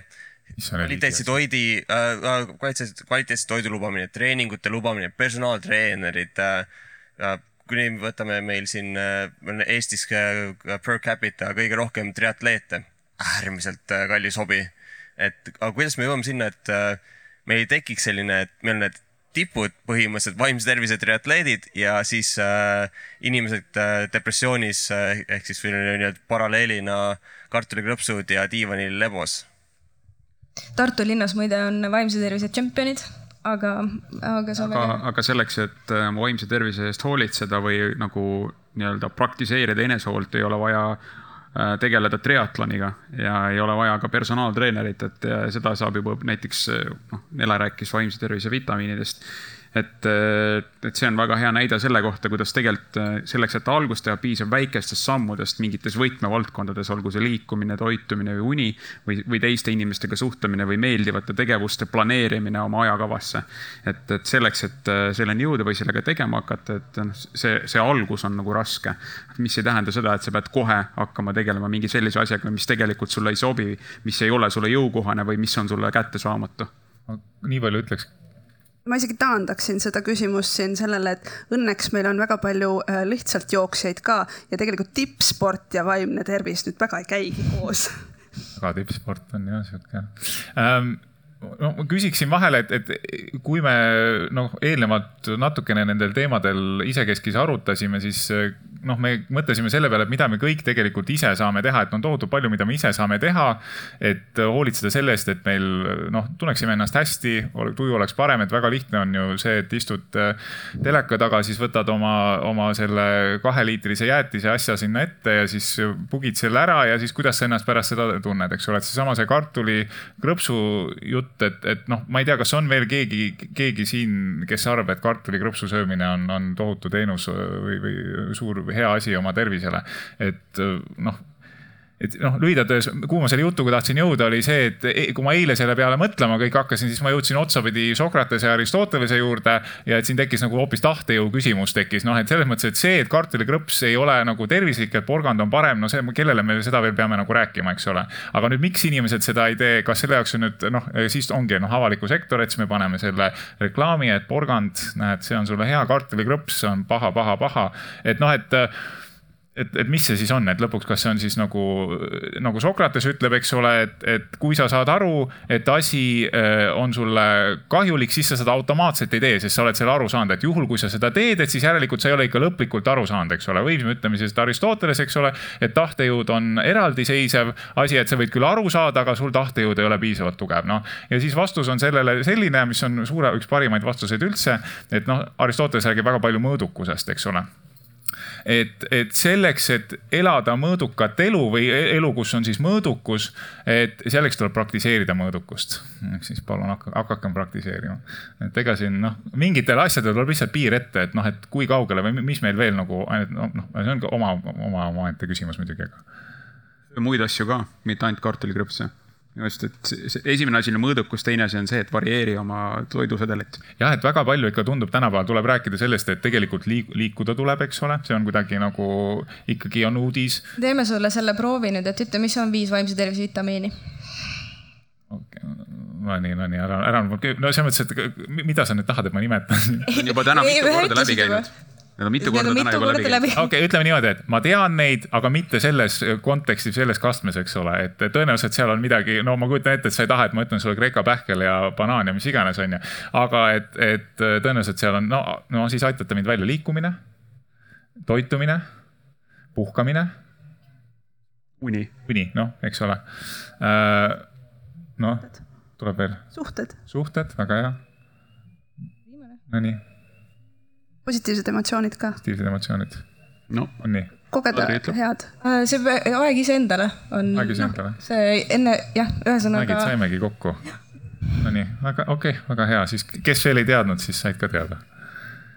aga meil on jäänud viisteist minutit natukene vähem veel arutada. võtan selle tehnoloogia veel, me läksime sellesse teemasse jällegi, et, et, et rääkida, millised, kuidas me saame iseenda eest hoolitseda, aga aga nüüd vaimne tervis, see on ikkagi meil selline teema, et, et võib-olla äh, senini pisut delikaatne. ja kui me nüüd äh, vaatame seda tehnoloogiamaailma, siis ütlen väite äh,, mis äh,, mille osas ma siis küsin sisendit. tehnoloogiat ei saa usaldada, sest andmed võivad valedesse kätesse minna ja kõik saavad teada, mis minu sees toimub mina tahan kohe öelda, et see psühholoogi must märkmik läheb veel lihtsamini jalutama. loomulikult andmeid tuleb kaitsta ja see on meie tänapäeva kuld ja kõige olulisem asi, et ma siin käin ja korrutan nagu mantra, et koolihariduses peab ka aina rohkem pöörama tähelepanu sellele, et lapsed teaksid, et nende andmed on väärtuslikud, neid tuleb kaitsta ja kuidas me saaksime neid kasutada enda kasuks et ja kaitstud ei ole meist mitte keegi, isegi siis, kui me ühekesse tehnoloogilisse vahendisse oma andmeid ei pane, et siis nad võivad teistmoodi jalutama minna, et, et Eestis õnneks äh, ei ole selliseid, mitte ainult õnneks, vaid ka suure töö tulemusena ei ole selliseid probleeme olnud, aga mujalt maailmast me oleme ju kuulnud selliseid juhtumeid aga jalutama võivad äh, minna ka muud terviseandmed. et täna ongi mure selles, et vaimse tervise osas meil on äh, imepisike hulk andmeid, et me isegi ei saa öelda, et mõned asjad on tõenduspõhised, et kas nad töötavad või mitte. et selleks, et üleüldse hakata selles järgmist sammu tegema, siis meil on vaja seda väikest baasi. ja tasa, targu ja teadlikult saab neid andmeid koguda, kasutada ja enda kasuks pöörata riik on tegelikult siin ka päris palju samme tegemas, et, et muuhulgas mõtlemas neid lahendusi, et inimene saaks näiteks oma terviseandmete osas siis ka ise äh, otsustada, et äh, kas ja milliste ettevõtetega ta soovib neid jagada, näiteks te teate, et ma ei tea, teie nutikella pakkuja sooviks mingisugust täiendavat lahendust pakkuda, et äh, siis saate selle nõusoleku digitaalselt anda või mitte. Äh, ja selle valiku ise teha, aga see peab olema teadlik, siis ei saa tulla juhtumisi ja, ja kuidagi by default kõigile, et nüüd läksid meie andmed igale poole kasutusse ja kasutagem hästi. et see on suur samm hariduses ka edasi minna. vastab tõele, eks see andmete küsimus on tõenäoliselt see kõige keerulisem ja kõige aktuaalsem hetkel ja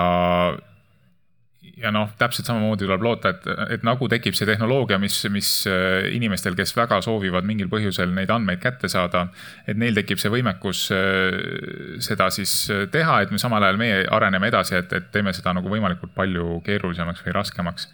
ja, ja hariduses saab see kindlasti olema väga oluline ka edaspidi, sest et haridus,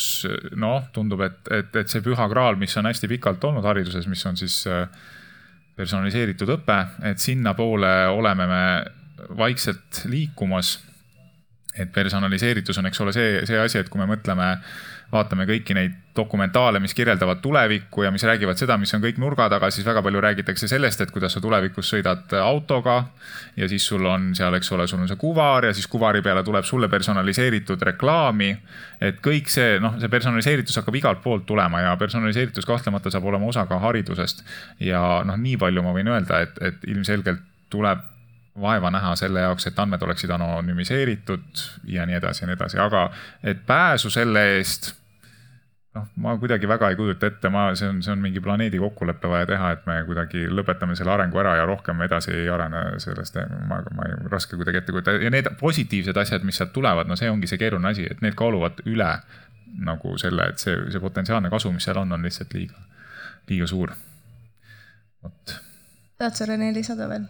Ja ma võib-olla lisan selle spetsialisti vaate, et ka spetsialistid on, äh, mitte ainult riik ei ole huvitatud, et see noh, nii-öelda see digitaalne infrastruktuur oleks turvaline ja täidaks oma nagu eesmärke nii, et riskid oleks maandatud, aga spetsialistid tahavad ka selliseid tööriistu, mis toimivad, mis on tõhusad ja mis, mida on ka nagu turvaline kasutada.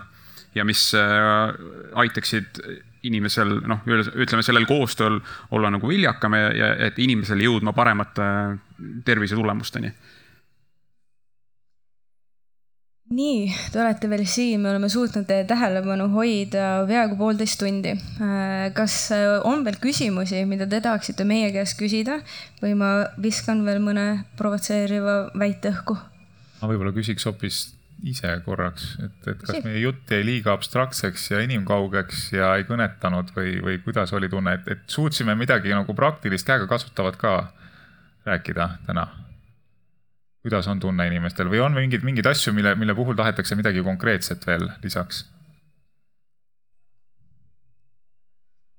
Nonii. kas ma tohin küsida ühe hästi praktilise küsimuse? üks teema, mis siin äh, korraks läbi käis. et äh, kui inimesel on tõsine vajadus pöörduda psühholoogi või psühhiaatri poole aga nagu siin öeldud ja kõik teavad, järjekorrad on väga pikad. mis võiks olla esmatasandi abi, kes või mis võiks seda pakkuda? tahate teie kaks, ma võin enda poolt ütlen alustuseks nii palju, et äh, noh, teen sulle kerge sissejuhatuse, siis paluks, võib-olla te oskate paremini, aga, aga just täna hommikul Tallinna Ülikoolist ka kontrollisin, et et see läheb kokku selle jutuga, et, et need psühholoogilised,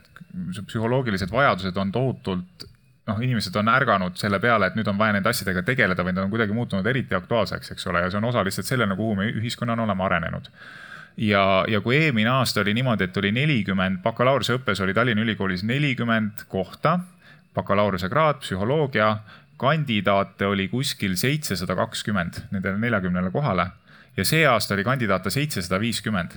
ehk siis, et, et tundub, et ühiskond väga nagu tugevalt tajutakse seda, kui, kui aktuaalsed need probleemid on. nüüd on küsimus selles, et kas meil on mingi lõtk on vahele tekkinud selles osas, et, et, et nüüd on, on nagu see, et inimesed tajuvad, aga meil ei ole nagu kohe siis nagu seda pakkuda nüüd, kui see on nagu, et kas see on mingi vaikselt niimoodi roomanud, aga noh, ma teen sellise üldise sissejuhatuse, siis võib-olla teie oskate natukene täpsemalt. arvan, et äh, tuleviku abivajaja äh, see, mis me täna teeme või noh, me võiksime vähemalt selles suunas minna, et, et astuda selliseid samme, et tuleviku abivajajal oleks lihtsam kui tänasel abivajajal. aga kuidas me tänase küsimus on selles, et eh, kuidas aidata seda inimest täna ja noh, selle peale on õnneks, ongi mõeldud, et, et eh, ma lihtsalt ütlen seda, et eh, igale konkreetsele abil, abivajadusele ongi nagu noh, oma kindel sel, nii-öelda selline tal on mingi pakilisuse aste, eks ole. ja, ja tihti see taandub sellele, et kuidas inimene, kui hästi ta suudab seda edasi anda, sellele, kuhu ta siis nagu, kellega ta kontakteerub, eks ole. ja tervishoiusüsteemi mõttes esimene kontaktpunkt sellega on ju, on, on igal inimesel on perearst, eks ole, et ta saab kui tal mingit muud mõtet ei ole, ta ei ole kuskilt lugenud näiteks, et vot on mingi infoliin näiteks, kuhu ma saan helistada, kui mul on vaimse tervise probleem. või on mingisugune kindel infoallikas, mida ma saan näiteks lugeda kas äh, enesetunne.ee-st või peaasi.ee-st või kuskilt mujalt. ja seal on ka kontaktnumbrid näiteks, et, äh, et, et kas näiteks mingisugune kriisiliin, et kui inimestel on ennast kahjustavad mõtted, eks ole, et, et seal on, need, need on kõik nagu niisugused erinevad olukorrad ja, ja seal on teatud pakilisuse aste, eks ole, kui inimene ei tea täpselt, et tal ei ole nagu neid erinevaid allikaid, mille hulgast valida, siis ta saab alati ühendust võtta kas oma perearstiga või helistada üks, kaks, kaks, null. Äh, aga, aga nüüd kitsalt sellest rääkides, et noh, ütleme, et ta ei ole võib-olla selline pakiline probleem, on ju, et ma ei pea, ma ei pea saama väga kiireloomulist abi, et, et mul ei ole, noh, ma ei pea minema EMO-sse, eks, eks ole, selleks siis noh, samuti siis, siis esimene info peaks ikkagi tulema perearstilt, aga, aga meil ei ole praegu neid äh, selliseid teenuseid, mis, mis eelneksid nagu sellistele kliinilistele psühholoogidele ja psühhiaatritele, mis võtaksid sealt nendelt järjekordadelt seda koormust maha, mis nagu lühendaksid neid sellepärast, et alternatiive lihtsalt ei ole, aga praegu me juba, mulle tundub, et me oleme, et, et riigis on nagu see mitte ainult riigis, aga siis riik koostöös teiste oluliste osapooltega, kes on siis spetsialistid ja abivajajad, eh, teenuse osutajad. Eh, me oleme nagu sellest aru saanud, et sellest, et seal enne tervishoiusüsteemi on teatud selline eh, tühimik, mida oleks vaja täita siis selliste kättesaadavate, ligipääsetavate ja madala sise, sisenemisbarjääriga, aga, aga ka madala intensiivsusega sellistele teenustele. ja nende nii-öelda toomine muuseas on ka innovatsioon, et selleks, et näiteks kui keegi küsib, et mida nüüd kohe, mille peale kohe homme mõelda, et kuhu võiks hakata raha planeerima, siis see oleks kindlasti üks koht. Ma olen hästi sinuga nõus, aga ma tahaks veel lisada, et, et vaimse tervise teemas äh, täiesti back to the roots ka samamoodi, et äh, ja loomulikult tuleb panna end äh, sinna kirja ja see ooteaeg on ja infoliinid ja kõik muu, aga võib-olla kõigil perekonda ei ole, meil on sõbrad ja töökaaslased, et tegelikult oma lähedasega rääkida. me millalgi unustasime selle oskuse natukene ära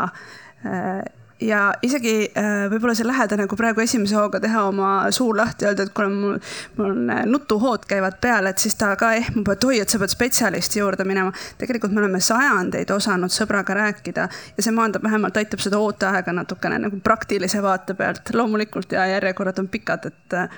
Äh, aga see, see tuleb natuke normaliseerida ka meie jaoks. Kas see vastas küsimusele? nii, me teeme kiire oodake, siin tahetakse veel sellele äh, vist jätku